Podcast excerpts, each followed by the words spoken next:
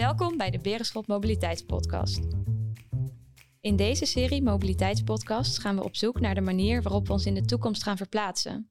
In deze podcast gaan we het hebben over de verduurzaming van mobiliteit. Er wordt hard gewerkt aan de transitie naar een duurzaam mobiliteitssysteem. Denk hierbij aan het stimuleren van elektrisch rijden en het verbeteren van fietssnelwegen en OV. Maar gaat deze transitie snel genoeg om de klimaatdoelen te behalen? En wat is daarvoor nodig? Berenschot-adviseurs Dineke Mooiman en Dirk Buitendijk gaan in gesprek met Arne Schadelee, gedeputeerde van de provincie Utrecht. Hij heeft onder andere het thema mobiliteit in zijn portefeuille. Je moet spreiden, je moet spreiden en je moet spreiden. Je moet spreiden qua, qua modaliteit, hè, dus qua manieren waarop je reist. Je moet spreiden door de week heen op de dagen die je werkt. Hè. Ga niet meer allemaal uh, alleen maar op dinsdag en donderdag uh, werken. En je moet spreiden in de tijden. Centraal in het gesprek staat de aanpak van de verduurzaming van mobiliteit in de provincie Utrecht.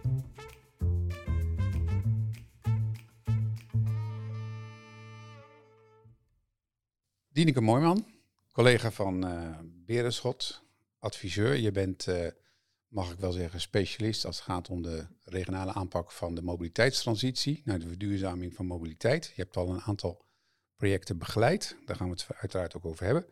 Klopt. Um, je bent bestuurskundig van huis uit. Um, waar ligt jouw fascinatie met het onderwerp als bestuurskundige? Ja, voor mij staat uh, mobiliteit eigenlijk niet specifiek in de schijnwerpers als, als doel. Voor mij is het echt een middel. En als uh, bestuurskundige vind ik het heel belangrijk om te kijken naar hoe ruimen we, hoe richten we de, uh, de openbare en publieke ruimte in. En als het gaat over mobiliteit, dan is het voor mij echt een schakel. Um, en uh, nou, als je het hebt over de verduurzaming van mobiliteit, dan kijk ik ook echt naar, dus naar de leefomgeving, milieu, gezondheid en hoe we ons verplaatsen, maar ook hoe we leven. Dus voor mij heeft um, eigenlijk heb ik als bestuurskundige van huis uit uh, een blik hoe dat georganiseerd is. Dus tussen, tussen overheden, tussen organisaties, maar ook wel die inrichting van de fysieke leefomgeving. En merk je dat die bestuurskundige blik meerwaarde heeft ten opzichte van bijvoorbeeld een planoloog of een verkeerskundige of een verkeerspsycholoog? Ja, ik denk dat het voor mij vooral betekent waar ik de oplossing zoek. Dus uh, nou, waar collega's ook vanuit Berenschot echt nou op het fysieke domein richten, is het fysieke domein binnen mobiliteit de, mijn onderwerp, uh, waar ik ook de opgave zie. Maar zoek ik um, met, met mijn bestuurskundige bril, denk ik ook um, naar samenwerkingsopgaven. Uh, uh, en, en daar heb je toch vaak wel nou ja, de, de verschillende overheden voor nodig. en ook zie ik dus wel de oplossing daar om dat goed aan te pakken. Om ook ja, de leefomgeving te verduurzamen. Juist in die samenwerking ehm, ben je actief, in de regio's met name. Um, de regio speelt natuurlijk een belangrijke rol in de verduurzaming van mobiliteit. Net als nationaal niveau, Europees niveau heeft ieder zijn eigen bijdrage, ook de regio. Um, wat, wat zie je gebeuren als je in de regio aan de slag gaat en je zegt we moeten verduurzamen? Dat betekent van alles, ook ten opzichte van bestaande uh, plannen, bestaand beleid. Wat, hoe, hoe gaat zoiets? Nou, wat voor mij heel belangrijk is, is dat um, alles wat op een hoger niveau wordt besloten, dus vanuit Europa, vanuit uh, de nationale overheid. Dat vindt eigenlijk allemaal zo'n weerslag uh, in de regio, in het lokale. En als je het hebt over grote ambities, over verduurzaming, over nou ja, ook de, de, de afspraken die we gemaakt binnen het klimaatakkoord die moeten ergens plaatsvinden. En dat vindt toch altijd wat dichter bij huis plaats. Uh, en daarom vind ik ja, het regionale een, een mooi niveau. Omdat je toch wel net het kleinschalige hebt. Uh, maar je ook door hebt dat je niet uh, nou ja, als burger of als gemeente er alleen voor staat. Dat het heel nuttig kan zijn om daar samenwerking op, op te zoeken. En ook met buurgemeenten of op provinciaal niveau nou, een, een aanpak te vormen. En hoe gaat zoiets dan? Hoe zet je dan zeg maar eerste stappen? Want juist als je dicht bij de burger bent, dan kom je denk ik ook snelst de weerstand tegen. En uh, moet je in gesprek over de noodzaak van maatregelen. Ja, vol, volgens mij is het echt een spel van nou ja, kijken wat er van, van bovenaf af wordt gevraagd of bijna uh, nou ja, opgelegd wordt. En hoe dat doorvertaald kan worden naar het lokale. Maar tegelijkertijd ook die wisselwerking. Dus terug horen. Wat, wat speelt er nou lokaal en wat betekent dat nou voor, de, nou voor, het, voor het ministerie of misschien voor Europa? Dus hoe ik mijn uh, rol en ook hoe ik mijn opdrachten aanpak, is eigenlijk als een soort van schakel tussen die niveaus. Uh, en dat, zit, dat, dat vind ik ook het, nou ja, het spel, maar ook het leuke uh, vaak in mijn opdrachten. Nou zie je natuurlijk dat ook in de regio um, het dominante verhaal is nog steeds bereikbaarheid, doorstroming. Hè? Dat is nog zeg maar, het verhaal waar we vandaan komen. Nu komt er iets bij. We willen bereikbaar zijn. We willen doorstroming, maar we willen ook duurzaamheid en leefbaarheid. We willen meer ruimte in de stad. Waar loop je zo al tegenaan als je nadenkt over maatregelen? Nou, volgens mij wat je nu benoemt, dat, dat is waar het, het wringt. En dat waar, nou, waar het wringt, daar wordt het denk ik ook wel spannend. Um, en ik denk dat we in eerste uh, opzicht, als je het hebt over een mobiliteitstransitie, dan nou systeemafbraak en systeemopbouw, daar gaan wel dingen misschien pijn doen. Maar tegelijkertijd denk ik ook dat er heel veel dingen zijn die juist uh, een positieve impact kunnen hebben. Um, als we het, het met z'n allen langzamerhand minder logisch gaan vinden om heel veel parkeerplekken in, uh, in steden te hebben, maar wat meer nou, voor, voor actieve mobiliteit te gaan, dan brengt dat ook nou, voordelen voor gezondheid, uh, fitheid van mensen, maar ook voor luchtkwaliteit met zich mee. Dus volgens mij is het langzaam doorvoelen um, um, dat, dat er een verandering plaatsvindt. En kijken wat we daarin kunnen doen. Om dat ten goede op verschillende vlakken. Dus niet vanuit de, de holy grail van CO2-tonnen. Dat is waar we het gaan vinden. Want dat, dat betekent weinig voor mensen. Dus juist de vertaling van wat het ook uh, kan bieden. Wat, wat verduurzamen van mobiliteit uh, voor andere gunstige impacten kan hebben. Um, en daarom is voor, voor mij ook, en ik ben wel benieuwd hoe uh, nou onze gast uh, Arne Schaddeleder zo naar kijkt, is dus ook technologie bijvoorbeeld niet alleen de oplossing. Als we alle auto's die we nu rijden, uh, nou ja, emissievrij hebben, dan hebben we nog steeds een fileprobleem. En dan is die bereikbaarheid ook nog steeds een opgave. Dus voor mij is het een heel, nou ja, een grote puzzel, is het een holistisch systeem. En uh, uh, nou is, is, is verduurzamen, maar ook juist op andere vlakken kijken hoe het ja, een positieve impact kan hebben op, op, op mensenlevens. We gaan inderdaad, je zegt het al, zo meteen in gesprek met Arne Schadelee gedeputeerde mobiliteit van de ChristenUnie hier in de provincie Utrecht. Hij heeft ook participatie in zijn portefeuille, uh, las ik. Wat zou je, uh, heel erg specifiek, wat zou je van hem willen weten? Waar ben je nieuwsgierig naar? Nou, waar ik echt wel benieuwd naar ben, is hoe hij aankijkt tegen, uh, nee, tegen de korte termijn acties. Dus, dus wat kunnen we nu al doen? En ook meer de lange termijn. Uh, want je hoort bijvoorbeeld nou ja, plannen over volgens mij een metro voor de gemeente Utrecht. En dat zijn echt grote infrastructurele plannen. Uh, maar ik ben wel benieuwd hoe hij nou ja, de lang, op lange termijn de, de, de, regionale mobiliteits, mobiliteitstransitie voor zich ziet. en wat daar dan ook de haken en ogen aan zijn. Want nou, een gedeputeerde zit niet voor eeuwig in, in, de zetel. Dus ook nou ja, hoe hij er tegenaan kijkt, hoe dat op lange termijn kan doorwerken. Ik ben heel benieuwd.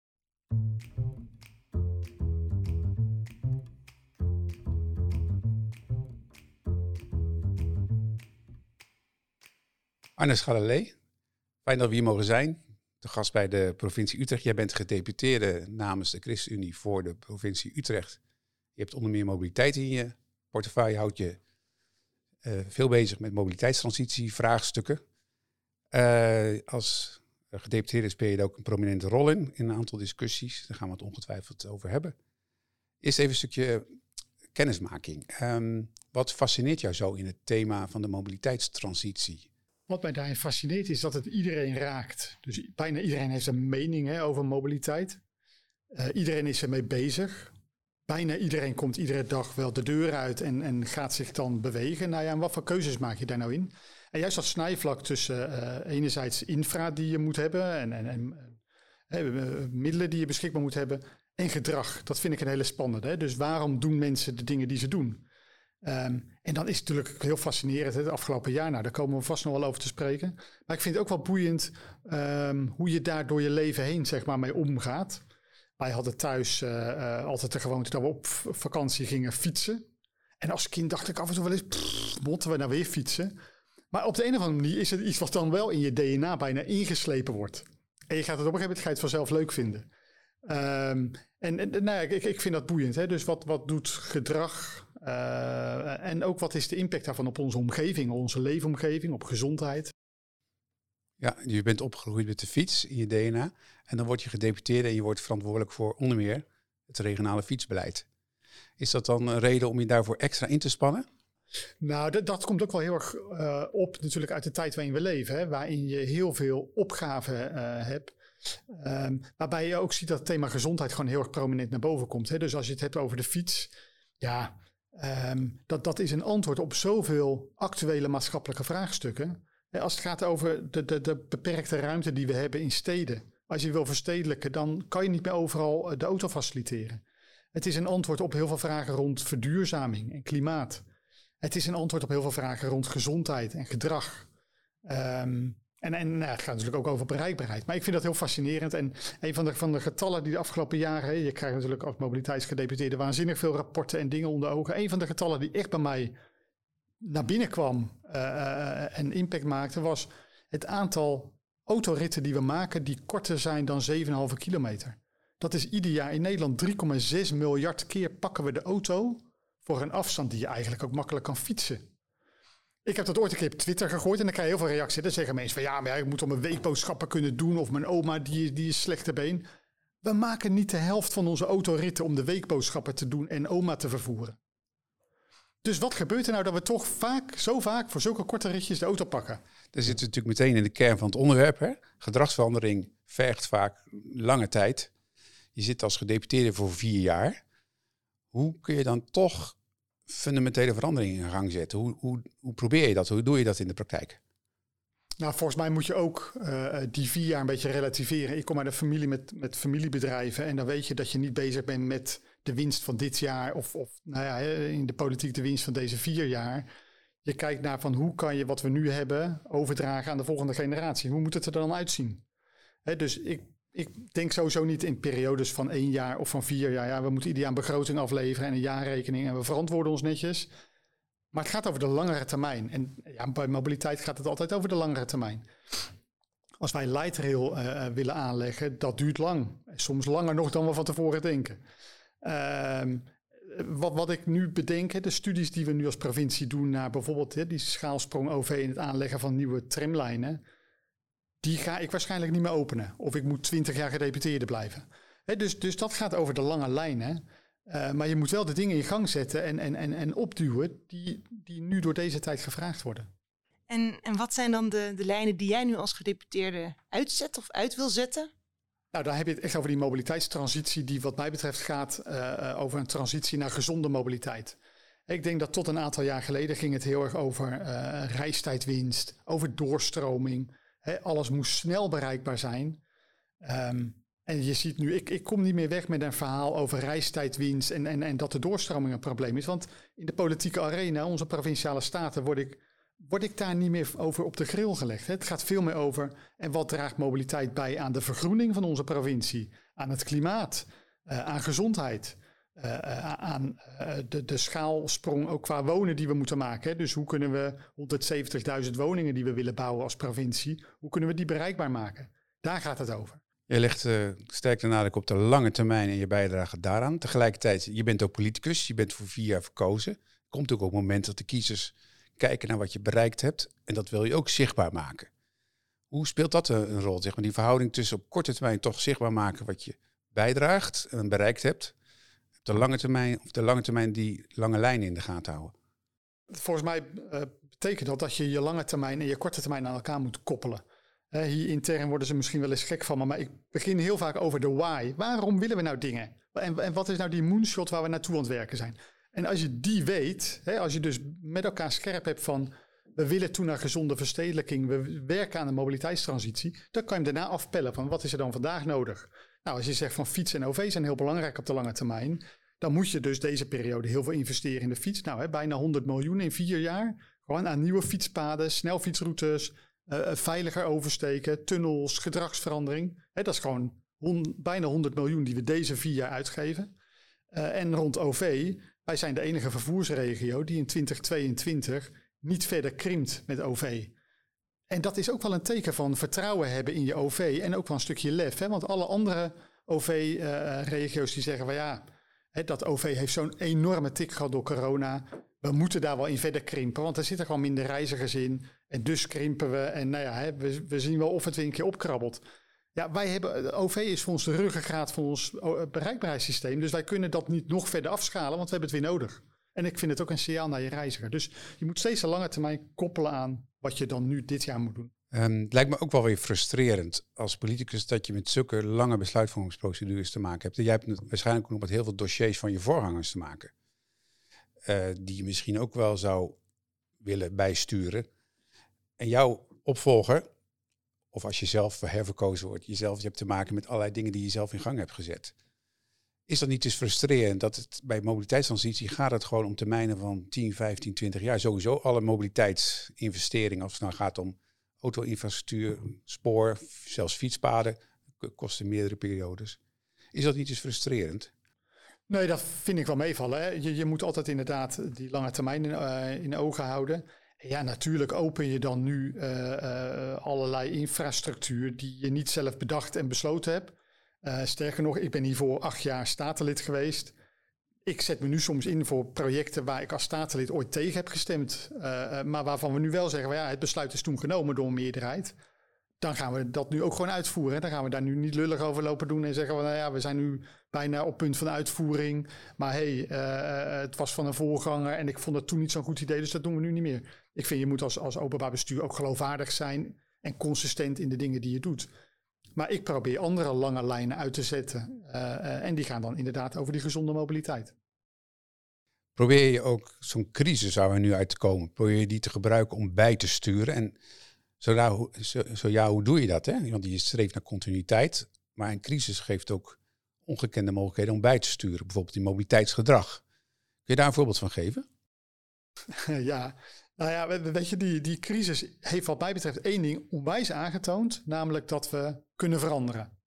Hè, er werd over gedragsverandering en mobiliteit werd altijd wel een beetje. Hmm, nou, hmm, veel mensen geloofden daar niet echt in. Als er dan 1 of 2 procent van de mensen iets anders konden laten doen, nou ja, dan was al fantastisch. We hebben nu gezien, en, en het is natuurlijk voor heel veel mensen een rotperiode geweest, maar dat je door corona en door een minister-president die zegt van we gaan nu thuiswerken, we houden afstand, we gooien half Nederland dicht ineens een enorme impact maakt buiten.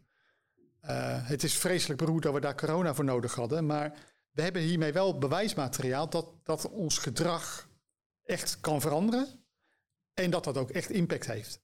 Het heeft ervoor gezorgd dat wij als provincie bijvoorbeeld in gesprek zijn geraakt met heel veel grote werkgevers hier in de regio. Um, en, en met hen in gesprek zijn gegaan over van, hé, hey, maar hoe gaat dit uh, uh, nu? Wat betekent dit voor de toekomst? En eigenlijk zijn we met die grote werkgevers tot de conclusie gekomen dat je eigenlijk drie dingen moet doen. Je moet spreiden, uh, je moet spreiden en je moet spreiden. Je moet spreiden qua, qua modaliteit, hè, dus qua manieren waarop je reist. Je moet spreiden door de week heen op de dagen die je werkt. Hè. Ga niet meer allemaal uh, alleen maar op dinsdag en donderdag werken. En je moet spreiden in de tijden. We moeten dat nog een beetje leren. Ik, ik kan vanuit mijn werkkamer kan ik de A27 en de A28 zien. Normaal was het altijd heel voorspelbaar dat die om half vijf een beetje begon dicht te slippen en dat er wat files ontstonden. En nou ja, we, zijn, we gaan spreiden, dus we gaan allemaal eerder naar huis. En nu staat die file er om drie uur. Dat is nog steeds niet heel erg slim van ons. Dus we moeten, dat spreiden moeten we leren. Maar ik zie dat heel veel werkgevers daar gewoon mee bezig zijn. Ik heb een hele grote werkgever gesproken die zei van joh, mijn kantoor blijft niet de werkplek die het nu is. Kantoor wordt een ontmoetingsplek. We gaan daar leuke dingen organiseren. Mensen gaan elkaar daar ontmoeten. De, de, misschien teambuilding, uh, strategie-sessies. Maar het echte werken kan ook thuis, zijn we achtergekomen. Dus we gaan onze mensen gewoon stimuleren om dat veel vaker thuis te doen. Um, en natuurlijk zien we dat nu wel weer wat terugveren. Ik denk dat het nog te vroeg is om al allerlei conclusies te trekken. Maar um, ik weet één ding 100% zeker. Voordat corona begon, had ik als gedeputeerde nog nooit een digitale vergadering gedaan. Wat eigenlijk best raar is. Ik weet zeker dat als, als we corona straks definitief achter ons laten, dat die digitale vergaderingen niet gaan verdwijnen. Die blijven. Dus, dus we gaan die vermenging gaan we krijgen en dat gaan we merken op de weg. Ik vind je optimisme aanstekelijk. Hè? Je ziet heel veel kansen ik hoor ook veel critici die zeggen, ja, we hebben het momentum al gemist. We zijn weer terug naar het oude gedrag. En die anderhalf jaar die coronaperiode heeft geduurd, die is onvoldoende geweest om ons echt nieuw gedrag te leren. Hoe zou jij reageren op dat soort kritische geluiden? Nou ja, mensen zijn hele hardnekkige wezens in gewoontegedrag. Uh, en, en, dat is niemand kwalijk te nemen, want voor mij herkennen we dat bij onszelf ook. Uh, alleen we moeten dat gesprek voor mij blijven voeren en ik vind het niet te vroeg daarvoor. Hè. Wat, wat ik net zei, ik weet zeker dat we Teams houdt iedereen op zijn telefoon en op zijn tablet. Op zijn, hè, dus we, we blijven digitaal vergaderen.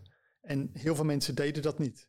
Dat ga je buiten merken. En ik denk ook dat, nou ja, wat ik net zei, het blijft bewijsmateriaal wat we nu hebben verzameld over gedragsverandering.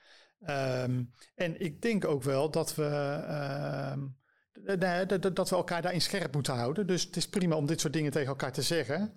Uh, maar laat het dan ook fungeren als een spiegel. Van oké, nou prima, maar wat doe je dan zelf? En, en by the way, voor heel veel mensen is het ook niet een optie om het heel erg uh, anders te doen. Uh, een broer van mij die is installateur. Dat kan je niet thuis doen voor de camera. Dat werkt gewoon niet. Dus daar moet je echt voor in je bus stappen en weg. Maar dat zijn niet de gasten die in de file staan. Want die, bedoel, dat is zijn eigen tijd. Uh, die gaat niet om acht uur de file in staan. Die vertrekt al voor de file en die zorgt wel dat hij ook smiddags weer voor de file thuis is. Waar ik wel benieuwd naar ben, want uh, nou, we hebben nu over het willen en het, en het weten. Want nou ja, als je het hebt over verminderen, verduurzamen, verschonen, dan nou ja, hebben we best wat informatie. Maar volgens mij gaat het ook echt om voor het doen. Um, ik ben wel benieuwd, kan je nog een voorbeeld geven? Je gaf net uh, het voorbeeld van de werkgeversaanpak. Um, maar wat kan jij vanuit jouw rol als gedeputeerde, of wat kan de provincie daarin uh, in betekenen om dat gedrag toch echt naar dat doen te krijgen? Uh, nou ja, volgens mij hebben we daar twee grote lijnen op. Hè. De ene lijn is gewoon zorgen dat er alternatieven zijn. Hè, dus wat ik net zei, dat OV niet verder afschalen, maar zorgen dat er goede OV-alternatieven zijn. Hartstikke belangrijk. Zorgen dat er goede en snellere fietsroutes zijn en veilige fietsroutes. Hartstikke belangrijk. Dus je moet zorgen dat er voorwaarden op orde zijn. Dat is het ene. En het tweede, dan moet je inderdaad ook gedragscampagnes daarop inzetten. Wij hebben als regio bijvoorbeeld uh, Goed op Weg. Dat is een soort samenwerking uh, binnen de regio, ook met het Rijk. En daarin hebben we allerlei gedragscampagnes. Uh, variërend van een, een app die heet Ik Fiets. Nou, die, die zet je aan. Als jij op de fiets stapt, registreert hij dat. En je krijgt daar gewoon punten voor. Is het slecht weer, krijg je meer punten. Doe je het in de file of in de spits, zeg maar, dan krijg je ook meer punten. Nou, ik heb thuis twee pubers die gebruiken die app. En die, die scoren daar gewoon regelmatig punten. Daar gaan ze bij een of andere sportzaak de leuke dingen voor kopen. Hartstikke geinig. Maar het, het, het zijn wel van die prikkels die mensen nodig hebben om in hun gedrag te veranderen. Nou, hetzelfde wat ik net zei, we zijn met werkgevers in gesprek. Die werkgevers die zijn natuurlijk ook heel belangrijk. Je moet dat ook via het Rijk aanpakken. Hè, want de reden dat veel mensen in de auto stappen is soms ook dat we gewoon allerlei uh, belastingconstructies hebben die het gewoon interessant maakt om in die auto te stappen. Uh, uh, en dat, dat geldt ook voor mij als gedeputeerde. Ik kan me de hele week laten rondrijden in een dienstauto. En ik kan ook mijn kilometers vergoed krijgen. Maar mijn fietskilometers niet. Is raar. Je hoeft bij mij geen meeleid te hebben, prima. Maar dat soort prikkels zitten er bij heel veel mensen in. En dat is eigenlijk dat, dat, dat, is raar. En je ziet dus dat heel veel 65-plussers op het moment dat ze stoppen met werken, dan ontdekken ze ineens dat er een fiets in de schuur stond en gaan ze weer fietsen. Ah, dat is gewoon zonde. Dus we moeten ook iets doen aan dat soort prikkels. Laten we die mobiliteitstransitie nog eens verder verkennen, verdiepen. We zitten er middenin. Sterker nog, ik denk dat we aan het begin staan. Je had het net over cijfers die indruk maakten. En cijfers die op mij indruk maken is dat mobiliteit moet 20% bijdragen aan onze klimaatdoelen. En als we alles op een rijtje zetten wat we nu doen, heeft het planbureau berekend, dan gaan we er niet komen. Tegelijkertijd willen we versnellen uh, met de Green Deal, de EU Green Deal, de afspraken op Glasgow. Dat betekent dus dat we allemaal, ook de regio, ook de gemeente, ook de provincie, moeten versnellen. Terwijl het al zoveel moeite kost om dat tempo erin te houden. Daar geef je mooie voorbeelden van, veelbelovende aanzetten. Um, hoe kunnen we die transitie versnellen? Wat, wat is daarvoor nodig? Even los van of je nou verantwoordelijk bent voor het provinciale verkeervervoer of nationaal of mondiaal. Hoe, hoe kijk je daarnaar? Het gaat om, om urgentie en politieke wil. Hè. Dat helpt om te versnellen. Wij zijn nu als uh, provincie een beetje de coördinator van de regionale mobiliteitsplannen, zoals dat heet. Dat is eigenlijk een opdracht vanuit het Rijk om die klimaatakkoorden te vertalen naar mobiliteit en dat te doen in de regio. Nou, de provincies moeten dat doen, maar doen dat samen met de gemeenten. Uh, en als ik met al die wethouders om tafel zit, ja, dan helpt het natuurlijk als ik daar met wethouders zit die ook die politieke wil hebben om wat te doen.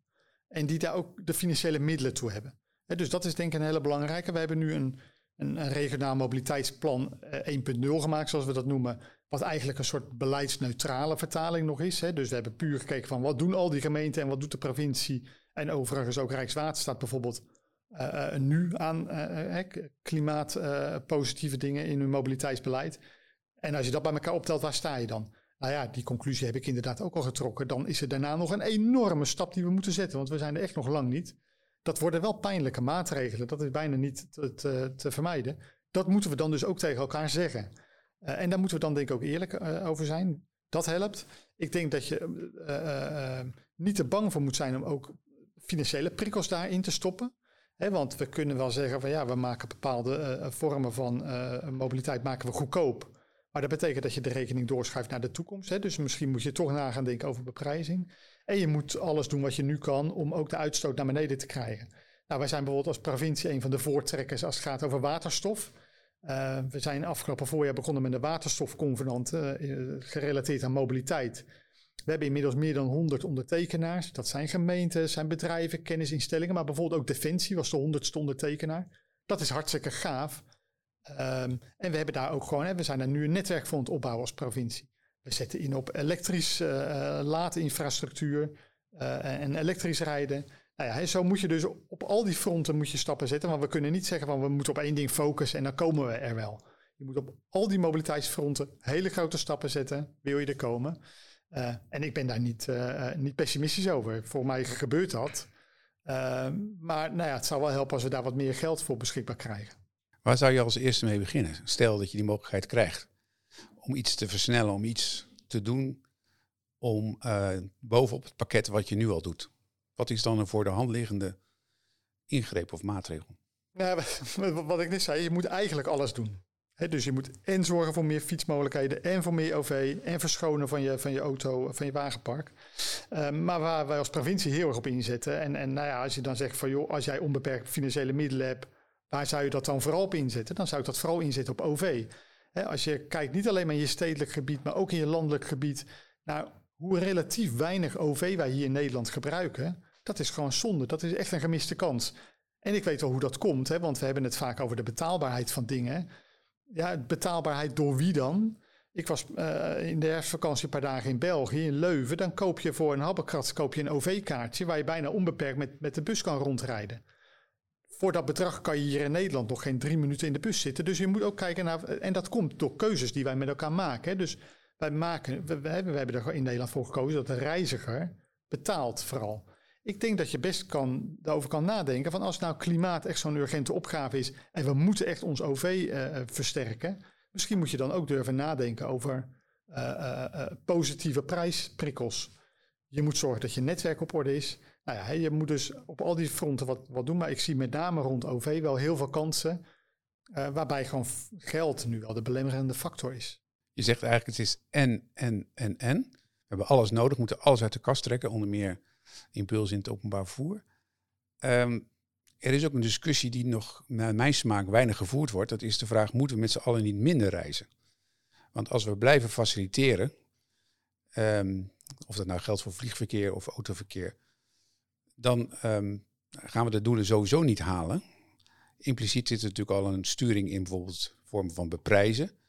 Maar moeten we dat niet veel sterker gaan inzetten? Hoe gaan we om het groei? Dat is een heel ongelooflijk ingewikkeld onderwerp, maar hoe, hoe, sta jij daarin?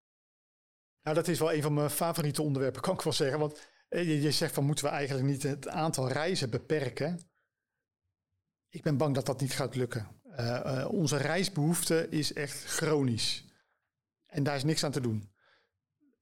Alleen de vraag is, hoe ga je dat reizen faciliteren? er blijkt uit onderzoeken dat, we, dat mensen al sinds de Romeinse tijd ongeveer vijf kwartier per dag reizen van en naar hun werk, en voor sociale contacten, voor de boodschappen, noem maar op. Vijf kwartier per dag. Dat is ongeveer onze nou ja, uh, uh, reistijd. en toen we dat te voet moesten afleggen, toen was onze, de, de Romeinse steden waren vijf kilometer in doorsnee. En nu we de auto hebben, wordt ons territorium veel groter. Dus reistijdwinst is ook geen reistijdwinst, is territoriumwinst. Ook prima, maar dat, dat geeft wel een andere financiële onderbouwing. Als je dat weet, dan moet je je dus niet gaan afvragen van hoe kunnen we zorgen dat, dat overal hè, uh, uh, die voertuigverliesuren eruit gaan. Nee, je moet er dan over nadenken van hoe willen wij dat mensen die vijf kwartier doorbrengen. Willen we faciliteren dat ze vijf kwartier in de auto zitten met hun eigen muziekje en nou lekker in de file of doorrijden, dat maakt niet uit. Of wil je faciliteren dat ze die vijf kwartier in de trein zitten of aan het lopen zijn of op, aan het fietsen zijn. Daar moeten we volgens mij over nadenken. En daar moeten we dan onze ruimtelijke keuzes op inrichten. Nou, je ziet nu dat door corona overal die, die concepten van 10 minuten steden bijvoorbeeld in opkomst zijn. Want het betekent dus ook dat je je, je, voorzieningen dichterbij moet gaan organiseren. Het betekent ook dat je iets moet doen met je, met je hele ruimtelijke ordening. dus wij hebben hier in Utrecht daarom ook samen met het Rijk het, plan vastgesteld, uh, uh, wat Utrecht nabij heet. Wat eigenlijk echt uitgaat van, het gaat niet over mobiliteit, dat is niet het doel. Het gaat niet over bereikbaarheid, het gaat over nabijheid. Vooral dus anders reizen in plaats van minder reizen. Mag ik het zo samenvatten? Ja. Een andere ruimtelijke ordening, meer uh, streven naar nabijheid. Um, maar als we dan toch onze klimaatdoelen niet halen, uiteindelijk moeten we ergens een streep trekken. En dat kun je kwantitatief doorrekenen. En dan weet je gewoon, dit is ongeveer ons mobiliteitsbudget. Provinciaal, nationaal, mondiaal, Europees. Um, dat is een enorm dilemma, lijkt mij. Nou, dat is niet een enorm dilemma. Je moet dat mobiliteitsbudget dan ook de prijs geven die daarbij hoort. En dan moet je dus uh, vormen van bereikbaarheid die veel impact hebben op, op klimaat. Als je zegt van nou, klimaat is het enige doel waar we nu aan willen werken, dan moet je daar je prijs op aanpassen. Nou is natuurlijk klimaat niet het enige doel. Want we willen ook dat steden bereikbaar zijn en dat we groei hè, van aantal inwoners en van woningen kunnen faciliteren. We willen ook iets doen met het thema gezondheid. We willen ook iets doen aan het thema vervoersarmoede. Dus mensen moeten ook op de een of andere manier kunnen reizen of jullie wat deel kunnen nemen aan de samenleving en dus hun huis uit kunnen komen. dus je, je, moet daar wel heel integraal naar kijken. Maar dat de klimaatopgave een hele prominente is, dat is wel duidelijk. Ik ben ook wel benieuwd hoe je aankijkt tegen nou ja, technologische ontwikkelingen. Uh, er, er, zijn wetenschappers die zeggen daar, daar moeten we het van hebben. Het is de elektrische auto voor iedereen vanaf 2030. Eh, dat, dat gaat ons verandering brengen. We kunnen eigenlijk doorgaan zoals we het nu doen. Hoe kijk jij er tegenaan? Nou, weet je, ik vind het soms een beetje een soort fabel. Uh, die de prikkel weghaalt om nu wat te veranderen. Dan zeggen we van, joh, de techniek lost het wel op. Blijf rustig doen wat je altijd deed. De techniek lost het voor je op. Ik denk niet dat dat zo is. Uh, dus we moeten echt wel ook naar onszelf kijken van wat kunnen we qua gedrag veranderen. En bovendien, er, er zijn. Uh, ik weet niet of jullie bijvoorbeeld wel eens in een vliegende auto hebben gezeten. Nee, nee, nee ik verwacht het ook niet meer mee te maken. nou, ik heb er wel in gezeten. En ik denk dat er best kans is dat je het gaat meemaken. Er is namelijk in onze provincie een fabrikant die maakt die dingen. Die is bezig met, met zijn laatste vergunningen en veiligheidschecks. En die verwacht gewoon in 2022 die auto te kunnen gaan uitleveren. Hij heeft al uh, een heel dik orderboek vol met verkochte auto's. En als hij door de laatste vergunning hoepel is gesprongen, dan gaat hij ze uitleveren. Uh, en hij zegt, hè, ik heb hem gesproken een aantal weken geleden. Hij zegt van joh, in 2030 is dit min of meer gemeengoed. Dan kan iedereen met een normaal rijbewijs met die vliegende auto. Of we hem allemaal voor de deur hebben staan, weet ik niet. Hij is nog niet gratis, zeg maar, en ook niet heel goedkoop. Maar het is ook weer niet een, een onbetaalbare prijs. Dus, maar de vraag is wel van, willen we dit met z'n allen? Wil je dit nou faciliteren? Wat ik daarmee wil zeggen is dat er natuurlijk allerlei vormen van techniek zijn die we nu nog niet zo goed kunnen bedenken. We bedenken wat we nu doen en we moeten ook wel kijken naar de hele keten. En wat mij dan fascineert, um, ik had het net over die Romeinse steden, toen gingen we voor het grootste deel te voet. Wat wij allemaal ongeveer als eerste leren uh, in ons leven is lopen wat wij waarschijnlijk ook allemaal nog als laatste kunnen als wij oud worden, is lopen. En toch doen we met lopen relatief weinig. Uh, het is ook, ook, hier bij de provincie min of meer ondergeschoven kindje. Wij, wij hebben daar weinig actief beleid op. En dat geldt voor mij voor heel veel verkeerskundigen die ik spreek. Die, gaan, hè, die kunnen helemaal begeisterd worden door OV en door fiets en door infra en verkeersveiligheid. Nou, noem het. Maar bij lopen zitten ze toch een beetje glazig te kijken. Ja, lopen, lopen, wat, wat wil je daar nou mee? Ja, ik denk dat als. maar al onze reizen beginnen ook met lopen. Hè. Ik bedoel, je loopt je vooruit en dan loop je naar, naar, naar je auto, je fiets. Of, en hij eindigt met lopen. Waarom is dat zo'n ondergeschoven kindje? Het is, het is eentje met een enorm kleine voetafdruk als je hem ecologisch bekijkt. Ik ben heel benieuwd, laten we eens proberen samen te vatten. Uh, hoe ziet de mobiliteit hier in de provincie, hier in de steden in 2030 uit? We hebben het gehad over OV. Wat jou betreft een flinke impuls uh, een enorme stimulans aan het gebruik van het OV. We hebben het gehad over lopen. We hebben het gehad over technologische innovaties. We hebben het gehad over prijsprikkels. Um, we hebben het ook vooral gehad over nabijheid als belangrijk uh, sturingsinstrument. Hoe, hoe ziet, neem ons eens mee, hoe ziet mobiliteit er in deze provincie uit? In 2030, laten we niet te ver vooruit kijken. 2050 is natuurlijk ook al Ja. heel dichtbij. Maar laten we maar eens beginnen bij 2030. Ja, en hoe ziet het eruit? Of hoe zou je willen dat het eruit ziet? Eén ding weten we zeker over 2030, dan ziet onze provincie er eh, eh, veel voller uit. Want we gaan ieder jaar 10.000 woningen toevoegen. Dus het aantal inwoners stijgt eh, en, en, en nou ja, het aantal woningen stijgt. En we, we zien ook al dat nu, 2021, al onze eh, eh, modaliteiten op papier vol staan. Hè, dus bijna al onze fietspaden zitten aan de max van de capaciteit, onze OV-lijnen, eh, on- onze wegen.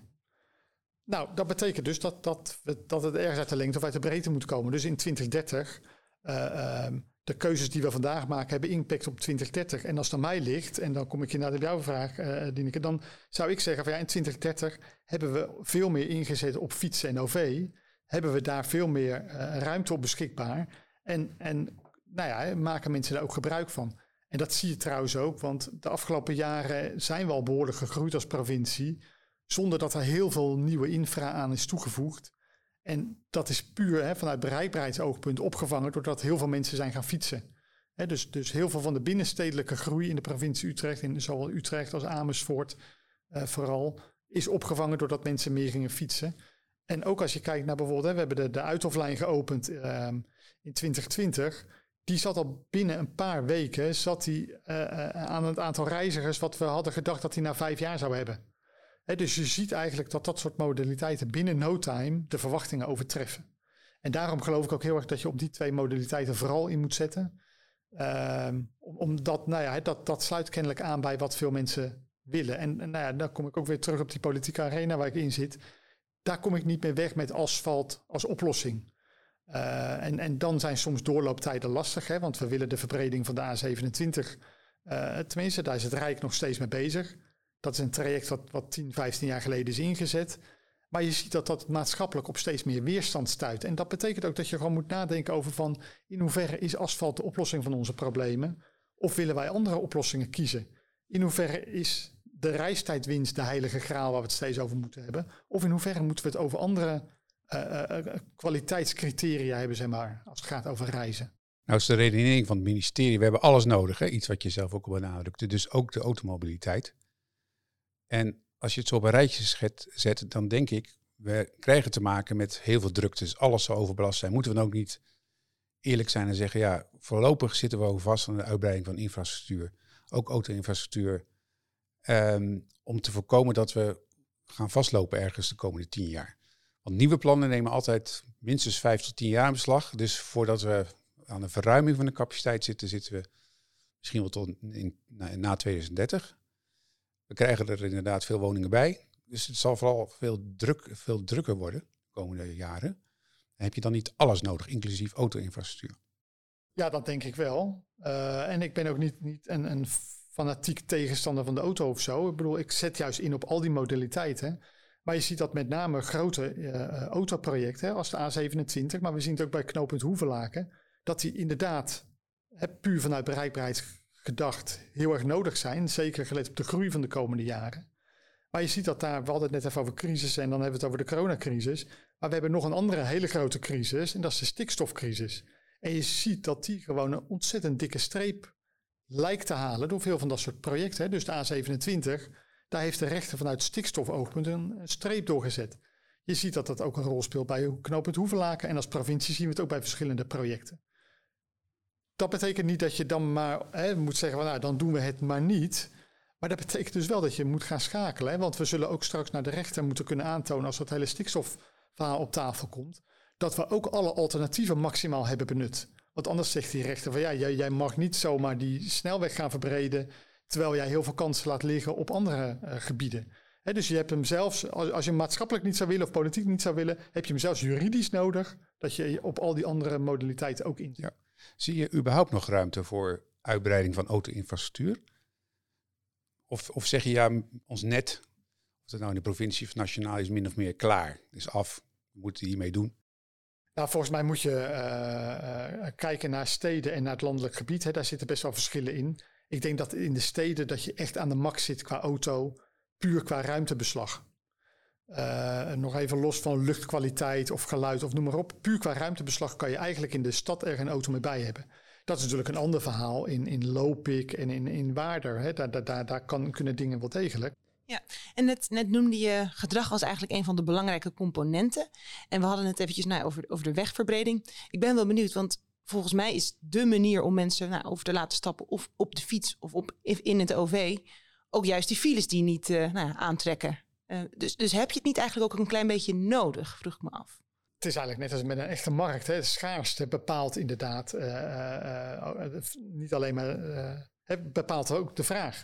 Dus op het moment dat, je, dat het aanbod lastig wordt doordat er een file staat, gaan minder mensen in de auto stappen. Dus nou ja, ze zeggen wel eens de file is de beste maatregel tegen de file. Um, nou, dat ben ik het wel mee eens. Maar eh, dat, dat, betekent natuurlijk niet dat het provinciaal beleid moet zijn om files te laten ontstaan. Maar je moet er wel een beetje uh, relativerend naar kijken. We kunnen denk eindeloos asfalt erbij blijven leggen. Uh, maar mensen gaan alleen maar langer en verder reizen dan. Hè. Je faciliteert namelijk dat en dan gaan ze dat ook doen. En de vraag is dus, moet je uh, de auto faciliteren of moet je andere modaliteiten faciliteren? Laatste vraag. Uh, jij begon met je passie voor fietsen. Dat zit in je DNA. Hoe verplaats je jezelf in 2030? Heb je daar al een beeld bij? Wat is jouw ideale fietsgedrag uh, in pakweg uh, tien jaar? Nou ja, ik, ik, hoop dat ik dan nog vooral heel veel aan het fietsen ben, uh, wat ik nu ook doe. Dus kom maar door. En zie je bij je kinderen andere gedragspatronen ontstaan die dan ook misschien beklijven? Zeker, zeker. Sterker nog, ik, ik, ben nog niet stokoud, maar toen, toen ik twintig jaar geleden een beetje de leeftijd had dat je je rijbewijs ging halen, dan deed je dat. Je ging je rijbewijs halen en dan ging je je eerste autootje kopen. En dat was gewoon een mijlpaal in je leven. Ik zie nu bij heel veel neefjes en nichtjes die een beetje uh, die, die leeftijd van 18, 19 bereiken. Daar is het helemaal niet meer zo'n issue. Die zijn daar veel minder mee bezig. Dat is niet de grootste mijlpaal in hun leven. Dus ik zie, ik zie daar zeker verandering in. En ik zie dat bij mijn eigen kinderen ook. Die vinden het heel normaal om uh, met de fiets naar de voetbal te gaan en naar school en, en de dingen te doen die ze doen. Ik wil je hartelijk danken. Het was een uh, mooi gesprek over korte termijn, lange termijn, grote opgaven, kleine stappen. Je hebt denk ik mooi eh, aangegeven hoe je daar als gedeputeerde het verschil kan maken. Dankjewel, heel veel succes met alle mooie dossiers. Graag gedaan. Deze podcast werd gemaakt door Berenschot-adviseurs Dirk Buitendijk, Dieneke Mooiman en mijzelf, Vera Mulder. Wij bedanken onze gast Arne Schadelee. Vergeet ons niet te volgen, zodat je geen enkele mobiliteitspodcast hoeft te missen. En laat ons weten wat je van de podcast vindt door een reactie achter te laten.